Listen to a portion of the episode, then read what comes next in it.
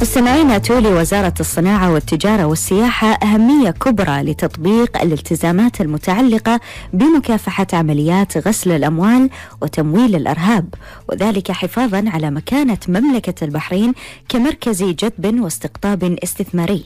قسم مكافحة عمليات غسل الأموال بإدارة رقابة الشركات هو الجهة المختصة بالرقابة على السجلات التي تمارس أنشطة بيع وتجارة الذهب والمجوهرات وأنشطة أنشطة تدقيق الحسابات للتأكد من تطبيقها جميع القرارات والقوانين المتعلقة بمكافحة عمليات غسل الأموال وتمويل الإرهاب.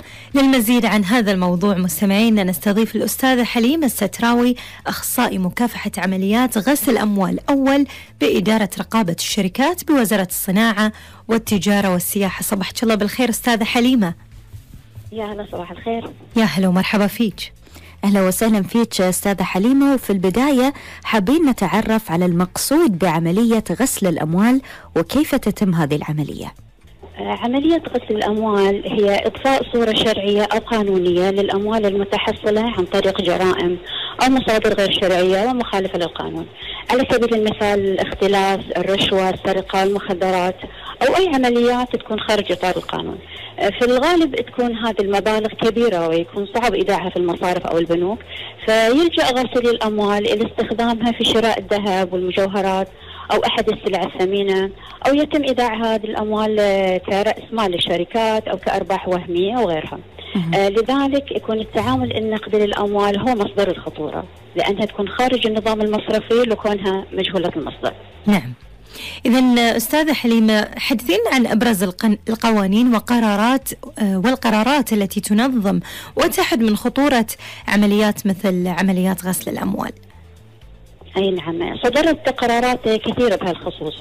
آخر قرار صدر كان بتاريخ 14 أكتوبر 2021 القرار الوزاري كان رقم 103 لسنة 2021 آه هذا القرار يلزم أصحاب السجلات ذات العلاقة اللي تمارس أنشطة بيع وتجارة الذهب والمجوهرات وأنشطة تدقيق الحسابات بتعيين مسؤول التزام.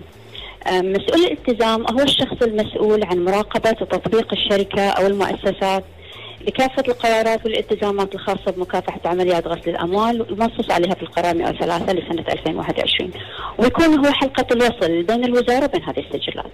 نعم. نعم. طيب أستاذة حليمة ما هي أهم الإجراءات التي يجب على مسؤول الالتزام القيام بها لتطبيق هذه القرارات والالتزامات؟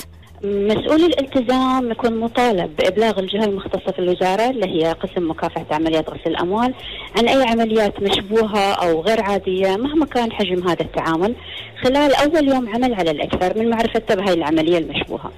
ويكون الإبلاغ عن طريق الدخول لنظام سجلات باستخدام المفتاح الإلكتروني الخاص فيه.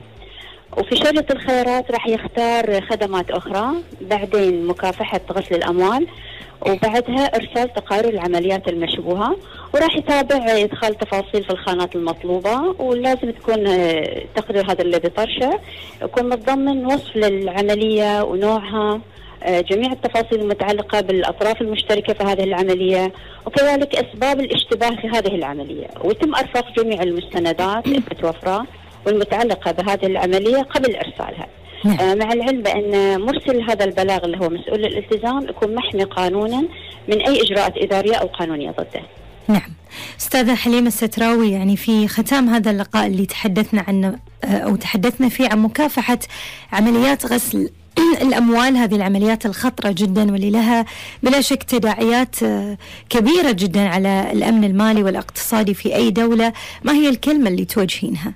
آه، أكرر مرة ثانية أن الخطورة دائما تكمن في التعامل النقدي للأموال فنحث الجميع التجار والمستهلكين الابتعاد قدر الإمكان عن التعاملات النقدية.